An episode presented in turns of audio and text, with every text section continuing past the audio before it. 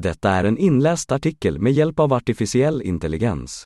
Green Irons verksamhetskoncept består av att omvandla industriavfall och biprodukter till basmaterial som ren stål och järn.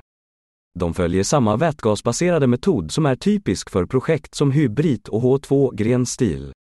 Den första fullskaliga produktionsanläggningen, belägen i Sandviken, planeras att vara i funktion under 2024. Wallenbergägda FAM är en av de största ägarna i bolaget och de har även attraherat finansiella giganter som Hans Stråberg och Karl-Henrik Svanberg. Från och med mars är före detta Centerpartiets ledare, Annie Lööf, en del av Green Irons styrelse.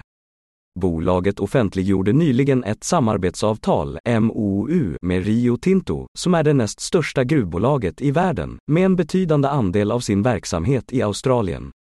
I höst kommer företagen att utforska möjligheten att använda Green Irons väteugnar för att hantera järnmalm från gruvområdet i västra Australien.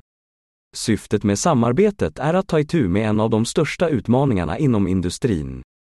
Att sänka koldioxidutsläppen från järnmalm med låg och medelhög järnhalt, enligt ett pressmeddelande från Green Iron. Denna typ av malm utgör majoriteten av världens järnreserv.